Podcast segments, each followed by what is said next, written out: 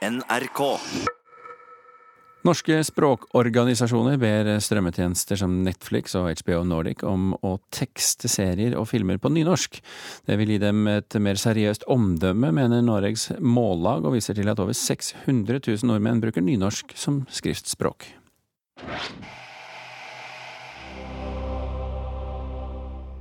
HBO Nordic og Netflix har blitt enorme suksesser i Norge, og seks av ti norske husstander er abonnenter på én eller begge tjenestene. Men mens NRK og TV 2 er pålagt å bruke begge målformer, så er nynorsk helt fraværende i tekstingen hos de store amerikanske strømmetjenestene. Leder i Noregs Mållag, Magne Aasbrenn, mener det her er for dårlig.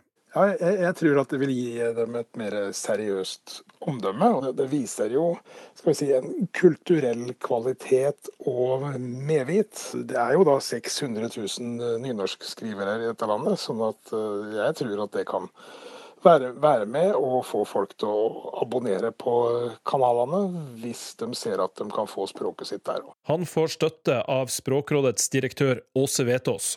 Eh, forestillingen om at en TV-serie skulle være mindre attraktiv for seerne hvis han er teksta på nynorsk enn hvis han er teksta på bokmål, den forestillingen tror jeg baserer seg på en misforståelse. Og jeg tror ikke at norske språkbrukere ville ha reagert eh, negativt på om det var på den ene eller om det var på den andre målformen tekstinga var.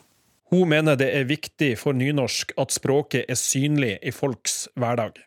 Ja, For at nynorsk skal være et eh, livskraftig språk òg i framtida, så er det viktig at det er til stede på alle de typene tekstflater som folk møter i hverdagen. Ikke bare i offentlige dokumenter og i eh, aviser. Filmprodusent Åge Aaberge i Nordisk Film, som bl.a. står bak Oscar-nominerte Kon-Tiki, mener det er på tide at det stilles krav til strømmetjenestene her til lands. Hvis du ser på hvordan de agerer rundt omkring i Europa, i Frankrike f.eks., så pålegger jo de globale aktørene de samme reglene som de gjør ellers. Og det gjelder jo skattlegging, det gjelder jo krav om finansiering av nasjonal produksjon osv. Men uh, her har den norske regjeringen vært ut, utrolig uh, tilbakelent, syns jeg. Det er på tide at de kommer på banen. Magne Aasbrenn i Noregs Mållag har et forslag til hvordan HBO Nordic kan bryte nye barrierer. Snart kommer nemlig Elena Ferrantes bok Mi briljante venninne som serie på strømmetjenesten.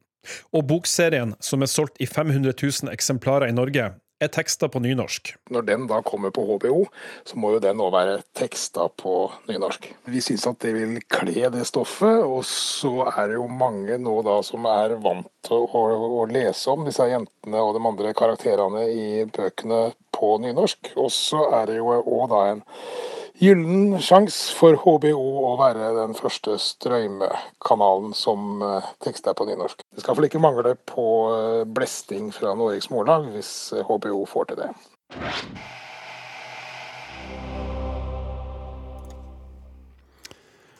Og reporter i denne saken var Oddvin Aune. HBO Nordic sier til NRK at de ikke har anledning til å kommentere saken. Netflix sier at de forholder seg til gjeldende lover og regler ved språkvalg, og at hva slags språk de bruker bestemmes ut ifra tilbakemeldinger og brukermønstre. Agnes Moxnes, kulturkommentator her i NRK. Hvorfor tekster ikke strømmetjenester på nynorsk?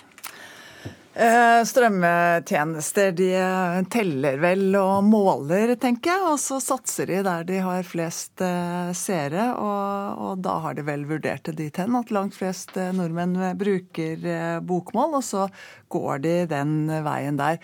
De er kommersielle selskap, og det er sånn at HBO er blitt store på grunn av Både fordi de er flinke til å skaffe seg nye seere, men de skaffer seg nye seere fordi de er veldig flinke til å satse på eh, kvalitet. Og uten språk og litterære forelegg så ville vi, jo rett og slett ikke hatt noen strømmetjenester sånn som vi kjenner dem i dag. Men, men her i NRK så strømmer vi Nei, så, så strømmer vi. Så, så, så, så, tekster vi jo noen eh, En, en viss del eh, på nynorsk. Ja. Kunne det være en løsning? For det skulle jo teoretisk sett ikke være dyrere? Ja, vi er jo liksom eid av eh, staten. Det er jo kulturpolitiske grunner til at vi gjør det. Så 25% av tekstingen, i, eller altså språket i, i NRK, skal være på nynorsk. og og på, på, dialekt.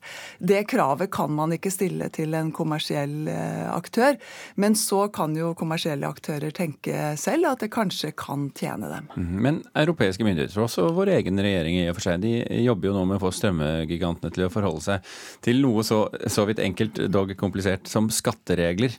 Eh, og det er jo vanskelig nok å få til. Er det noen grunn til at de samme selskapene vil legge seg i selen for å tilpasse seg nasjonale språkmønstre? Ja, altså Jeg er jo litt usikker på om det ville hjulpet om Trine Skei Grande hadde krevd at 25 av eh, tekstingen på, fra disse selskapene skulle være på, eh, på, nynorsk. Men det er jo som den lille meldingen vi fikk her fra, fra Netflix, vel, som sier at de er lydhøre overfor publikum. Og det er sånn at språk er virkelig det som definerer oss som gruppe og som nasjon. Så er, derfor så er det veldig bra at Mållaget nå liksom reiser denne problemstillingen her. Eh, og da hvis de liksom får sine 600 000 brukere til liksom å eh, vise overfor eh, strømmetjenestene at de mener alvor med dette her, så kan det jo være at de blir hørt. Så en liten kampanje på, på sin plass, altså. Men du, en ting. I, I, 2019 så kom jo første del av Elena Ferrantes Napoli-kvartett. Eh, og i Norge så var jo den oversatt til nynorsk når den eh, var i bokform. Bør den komme i nynorsk oversettelse på TV også? Ja, det bør den absolutt. Altså, eh, Kristin Sørsdal som oversatte Mi briljante venninne og, og Napoli-kvartetten, gjorde jo det på en glitrende god måte, og det ble en stor, stor suksess. Og det er selvfølgelig slik at det hadde vært en strålende måte for eh, strømmetjenestene å vise at eh, det er godt språk som teller, ikke om det er nynorsk eller bokmål. Men du, Agnes. Ja. Teksting. Det, ja, det kan det, jo være Det kan gå galt. Ja, det kan, men det kan være gøy. Eh, om enn ufrivillig. Ja, jeg leste det var Financial Times som i går viste til at BBC visstnok da hadde tekstet feil på et, et, innslag de hadde fra parlamentet, det britiske parlamentet under en debatt de hadde om EU-avtalen. Det har jo vært ganske kaotisk der. Men der hadde de lagt inn teksting. så som handlet om guttene som var, var i, i hulene, grottene i Thailand. Sånn at den tekstingen handlet om hvordan en gruppe kunne holde hodet kaldt. Eh, hvordan gruppen var viktig foran individet, og, og hvordan de da i en så forferdelig situasjon likevel klarte seg eh, gjennom alle disse eh, mørke døgnene. Så det var en veldig komisk eh, eh, feilplassering av teksting. Men kanskje noe for parlamentet å se litt nærmere på, kanskje? Litt nærmere på. Så blir det vel mer om de, om de gutta utover dagen i dag. Det gjør det helt sikkert, for de skal jo ha pressekonferanse eh, klokka ett norsk tid, det tar jeg ikke feil. Så eh, det blir mer om det fra NRK Nyheter utover dagen. Takk skal du ha, Agnes, for at du orienterte om det. Så har vi fått en annen orienterer inn i studio her, eh, nemlig Oddvin Aune. Oddvin, eh, på søndag så er det jo nøyaktig sju år siden terrorangrepene i Oslo og på Utøya. 22. Eh, juli, altså. Og samme dag så avdukes et midlertidig nasjonalt minnesmerke over de døde ved regjeringskvartalet. Hva slags minnesmerke er det? Det her er et minnesmerke som skal plasseres på Johanne Nygårdsvolds plass ved Høyblokka. Og det her dreier seg om et 15 ganger 15 meter eh, stor vegg med alle de 77 ofrene eh, sine navn og alder på. Eh, I tillegg så skal det da være et gulv av tromla glass, som da skal symbolisere alt det knuste glasset som var i området rundt regjeringskvartalet etter at bomba gikk av. Og innfelt i det her minnesmerket så, er, så vil det være de fire lindetrærne som, som faktisk sto igjen etter at bomba gikk av. Og det hele skal da til slutt lyses opp av 150 meter med utplasserte LED-lys. Og dette tas vel godt imot fra, fra de pårørende, antar jeg? Ja, Det er jo ikke helt ferdig, da. Så, men Lisbeth Røyneland, som leder støttegruppa for 22.07, sier til NTB at hun har fått et veldig godt inntrykk av hvordan det her kommer til å bli. Og framfor alt så er, hun, er, hun jo glad for at det i det hele tatt eh, er på plass et nasjonalt minnested sju år etter eh, at eh, terroren skjedde. Og hun, hun, håper og tror at det her vil bli tatt godt imot av, av, de pårørende. Det har ikke vært noen diskusjoner der. Og alle foreldrene til de døde har gitt sin tillatelse til at barnas navn er på minnesmerket. Men alle som har hørt på Kulturnytt gjennom de siste årene, har jo fått med seg at det har vært utrolig mye bråk rundt det andre nasjonale minnesmerket, det som skal ligge på Sørbråten i Hole kommune, altså på landsiden fra, fra Utøya. Noe nytt om det?